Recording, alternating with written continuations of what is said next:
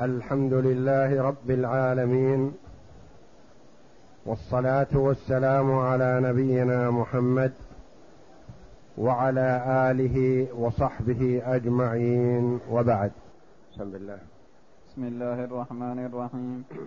قال المؤلف رحمه الله تعالى فصل وتصح الشركة على الدراهم والدنانير لأنهما أثمان البياعات.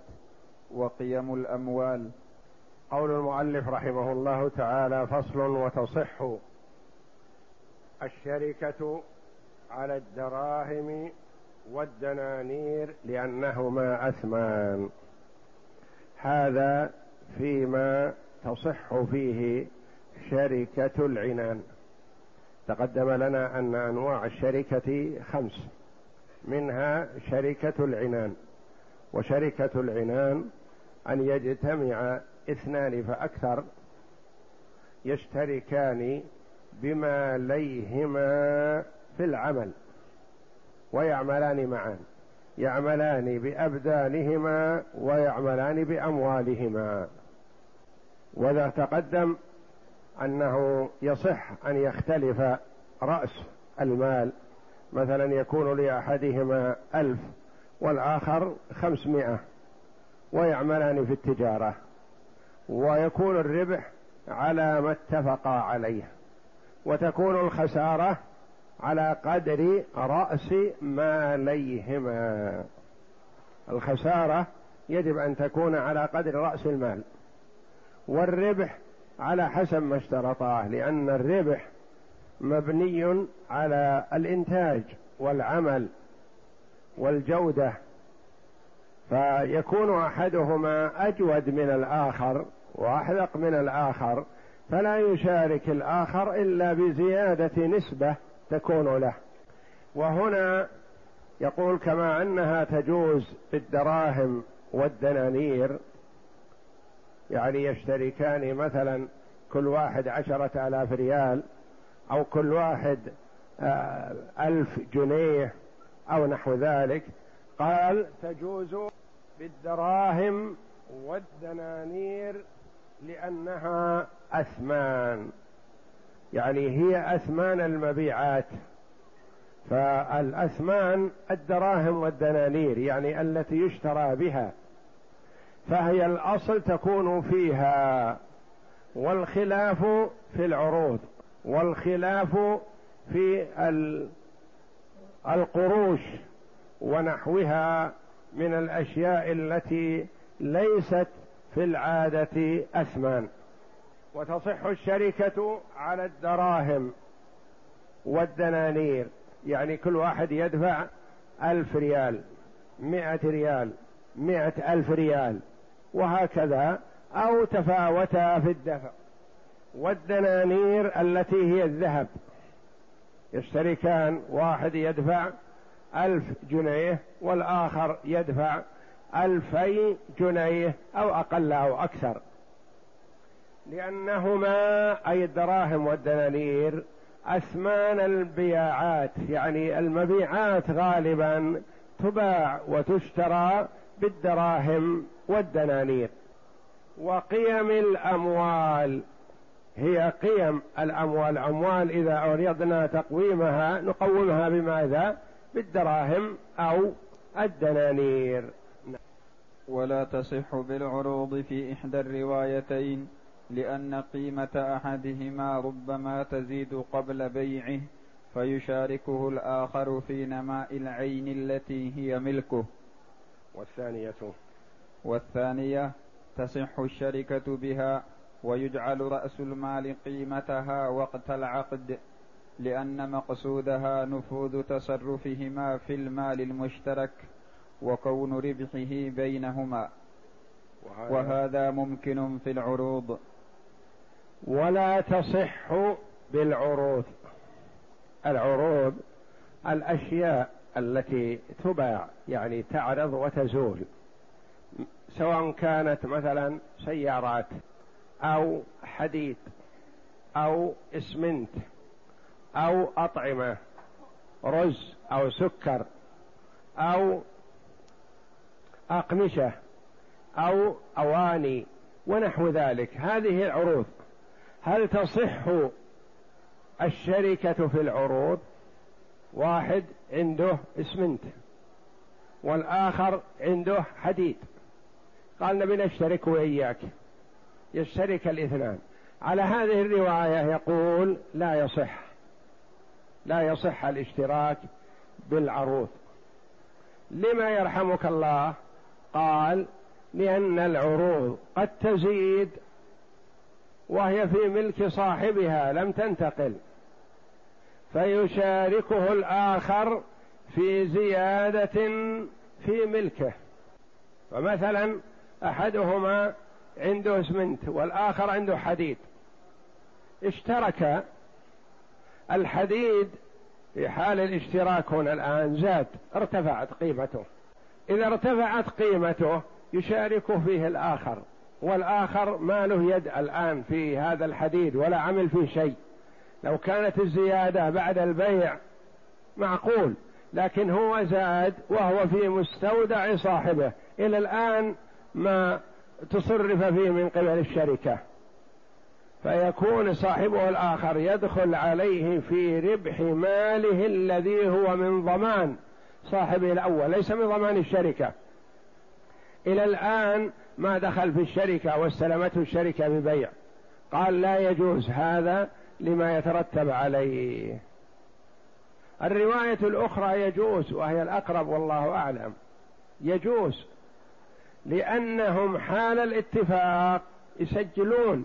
الحديد بكذا. يسجلون الإسمنت بكذا.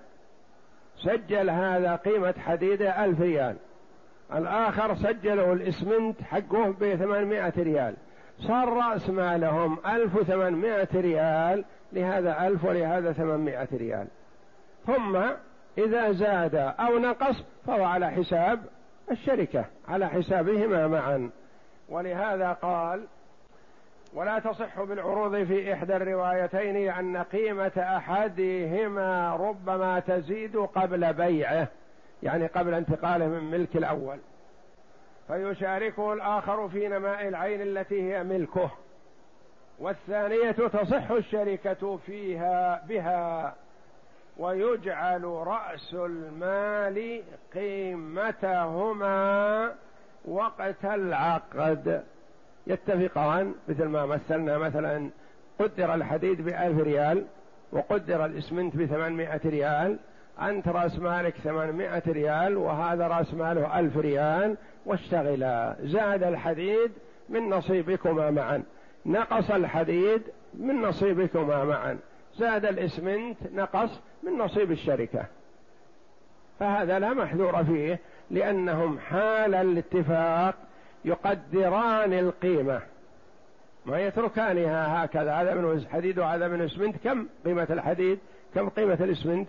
كم رأس مال هذا؟ كم رأس مال هذا؟ لا يدرى. لابد من تقديره عند العقد. ويجعل رأس المال قيمتها وقت العقد لأن مقصودها نفوذ تصرفهما في المال المشترك. لأن مقصودها مقصود إيش؟ الشركة. نفوذ تصرفهما في المال المشترك وكون ربحه بينهما لأن مقصودها نفوذ تصرفهما وكون كون معطوفة على نفوذ. يعني هذا هو المقصود نفوذ التصرف وكون الربح بينهما وهذا ممكن في العروض وغيرها. نعم. حكمه. والحكم في النقدة والمغشوش والفلوس كالحكم في العروض لأن قيمتها تزيد وتنقص فأشبهت العروض. والحكم في النقرة. النقرة السبيكة من الذهب أو من الفضة. يعني قطعة من الذهب من الفضة ليست نقدا معلوما. يعني قطعة ذهب ما ليست على عيار محدود مثل السبائك مثلا. السبائك معروفة. هذه عشرة جنيهات وهذه مئة جنيه وهذه كذا معروفة السبائك. لكن قطعة ذهب غير معروفة محددة المقدار إلا بوزنها هي بذاتها يعني لا أشباه لها ونظائر. هذه النقرة قطعة أو كسرة من الذهب وقطعة وكسرة من الفضة تصح فيها هذه يقول حكم حكم العروض. إذا صححنا في العروض فصح فنصحح في النقرة وإذا لم نصحح في العروض فلا نصحح في النقرة لأن النقرة قد تزيد وقد تنقص. والمغشوش المغشوش الذي ليس على وتيرة واحدة. هناك شيء مغشوش معروف مثل الآن الذهب عيار واحد وعشرين. هذا مغشوش فيه. عيار واحد وعشرين يعني فيه ثلاثة من أربعة وعشرين حديد. والباقي ذهب. فيه الثمن عبارة عن حديد جعل معه لتقويته. الذهب عيار ثمانية عشر. فيه ثمانية عشر ذهب وستة حديد. فيه عيار مثلا اثنى عشر. ذهب يقول هذا ذهب عيار اثنى عشر. عيار اثنى عشر نصفه ذهب ونصفه حديد. لكن هذا اللي عيار اثنى عشر وعيار ثمانية عشر وعيار واحد وعشرين هذا معلوم. ما حكم حكم العروض؟ لأنه معلوم. لأنه عبارة عن الغالب فيه نقد وإذا لم يكن نقد فهو معلوم على وتيرة واحدة. لكن مثلا قطعة من الذهب فيها حديد بذاتها مثلا. يعني أخذنا قطعة من الذهب عيار واحد وعشرين عيار أربعة وعشرين ذهب خالص مثلا وقلنا للصايغ حط معها ذهب بحيث أنها تكون كذا وتكون كذا وتكون كذا. يقول هذه قليلة نقول زد فيها الحديد. الحديد ما يعوزك. زد فيها حديد. ولا تنضبط بأنها عيار ثمانية عشر عيار واحد وعشرين عيار اثنى عشر. ما تنضبط هذه. فهذه تسمى المغشوشة يعني اللي فيها من غير جنسها جعل معها كأن يكون لتقويتها أو لغشها أو لترويجها أنها ذهب وهي ليست بذهب.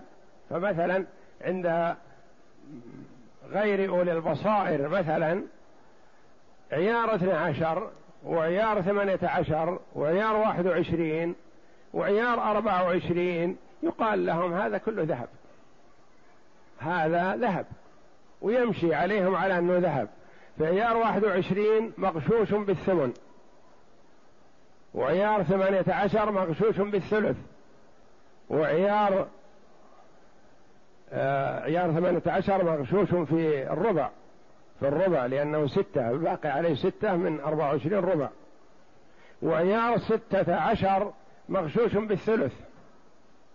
وعيار اثنى عشر مغشوش بالنصف. نصف ذهب ونصف حديد. والمغشوش والفلوس. الفلوس ما اتخذت نقدا وعملة وهي لا قيمة لها بحد ذاتها لولا كونها مثلا جعلت كذا مثل القروش عندنا مثلا. القروش هذه أصلها لا قيمة لها لولا أن الدولة جعلت لها قيمة وضربتها على أساس قيمة. هذا ريال وهذا نصف ريال وهذا ربع ريال مثلا صارت لها قيمة. بوضع الدولة لها موضع النقد صار لها قيمة. وإلا قد تجد الحديده أكبر من الريال بكثير مرمية في الأرض لا قيمة لها. وهذه تسمى الفلوس. أو يتخذ مثلا قطع من الخشب أو قطع من الجلد. تجعل بمثابة النقد قروش يعني أجزاء من الريال أو أجزاء من الجنيه ونحو ذلك. هذه تسمى الفلوس ويجوز أن نسميها القروش ويجوز أن نسميها العملة غير ذات القيمة بنفسها. مثل الريال السعودي فضة الجنيه السعودي ذهب مثلا. يجعل أشياء بمثابة الريال ومثابة الجنيه وهي في حد ذاتها لا قيمة لها لولا أن الدولة جعلت لها قيمة الريال وقيمة الجنيه وهكذا. والمغشوش والفلوس كالحكم في العروض مثل العروض. أما المغشوش بغش مقدر معلوم فهذا لا إشكال فيه. لأنه معروف مثلا الجنيه عيار 24 فيه أقل منه عيار 21 أقل منه عيار 18 أقل منه عيار 16 أقل منه عيار 12 فلو مثلا كان عندنا قطعة ذهب عيار 24 وقلنا للصائغ اضعها لنا كذا وكذا وكذا وكذا. قال ما تجي. قلنا كمل بالحديد. كمل بالحديد. هذا يصير مغشوش. وغشه هذا ليس منضبط هو بعيار محدد ما يزيد ولا ينقص. لأن مثل الذهب الآن لو وجدت عيار 21 ما يتغير. هذا 21 وهذا 21 سوا لكن الشيء اللي يدخل عليه الصائغ بدون تقدير هذا مغشوش ما ينضبط.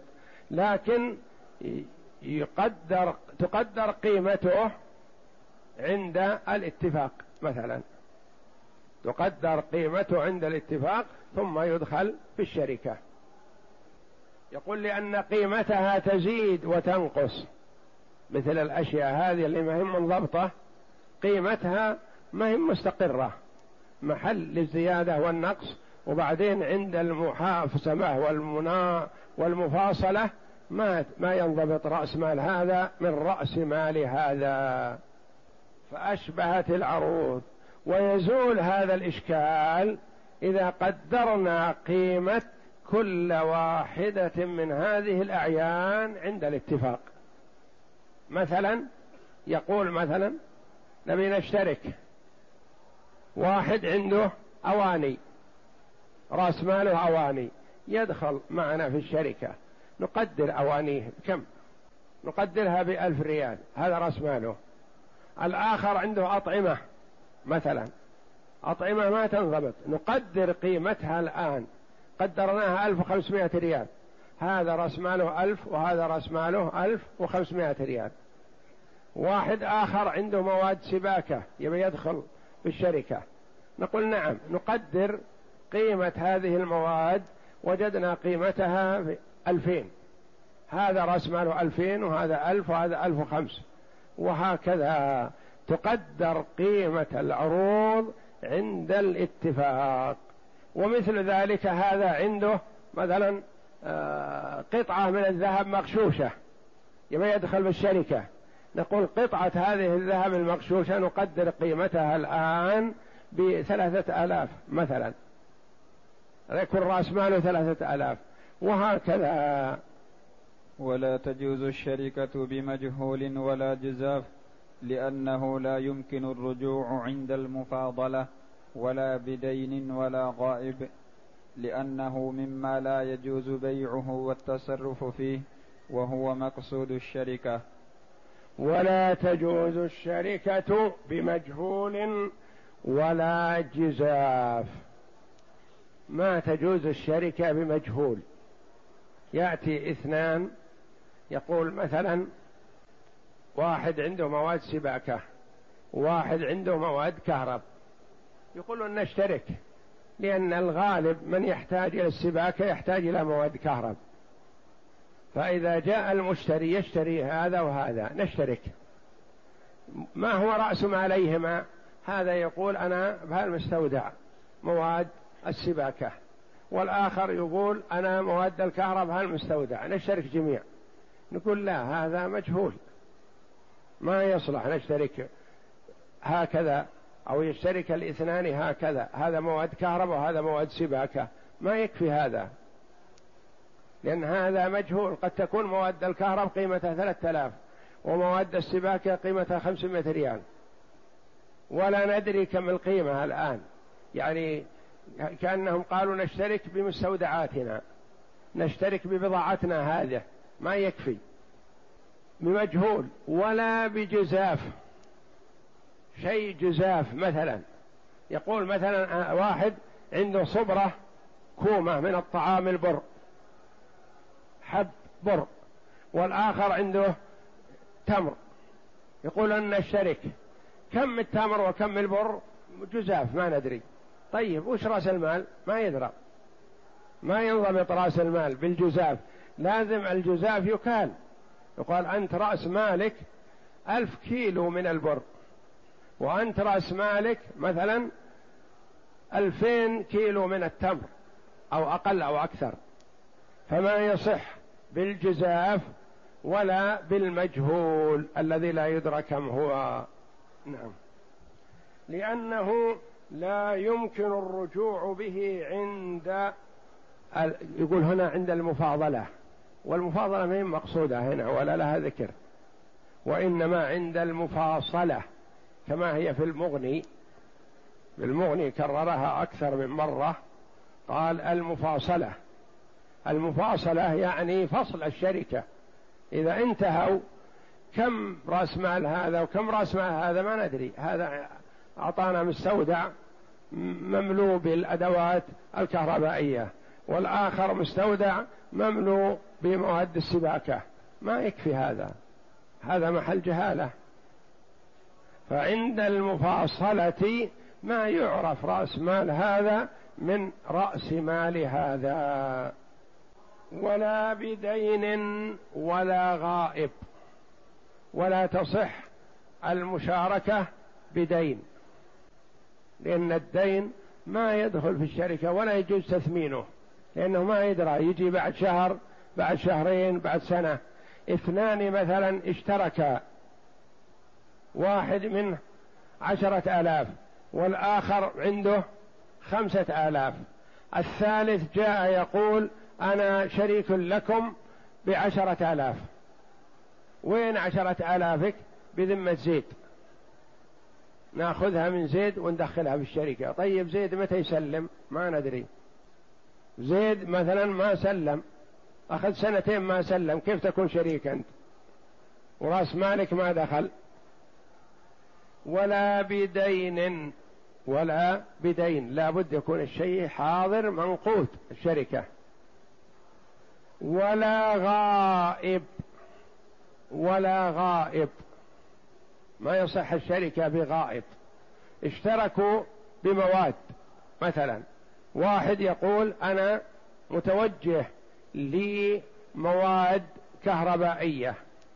تصل خلال عشرة أيام خمسة عشر يوم. يحسبون معكم شريك. هل يحتسب؟ ماله ما جاء ما وصل إلى الآن. آخر اشترك اثنان مثلا في إبل كل واحد منه عشر. والآخر الثالث يقول احسبوا لي أنا واحد معكم. أنا أدفع عشر إبل. وين إبلك؟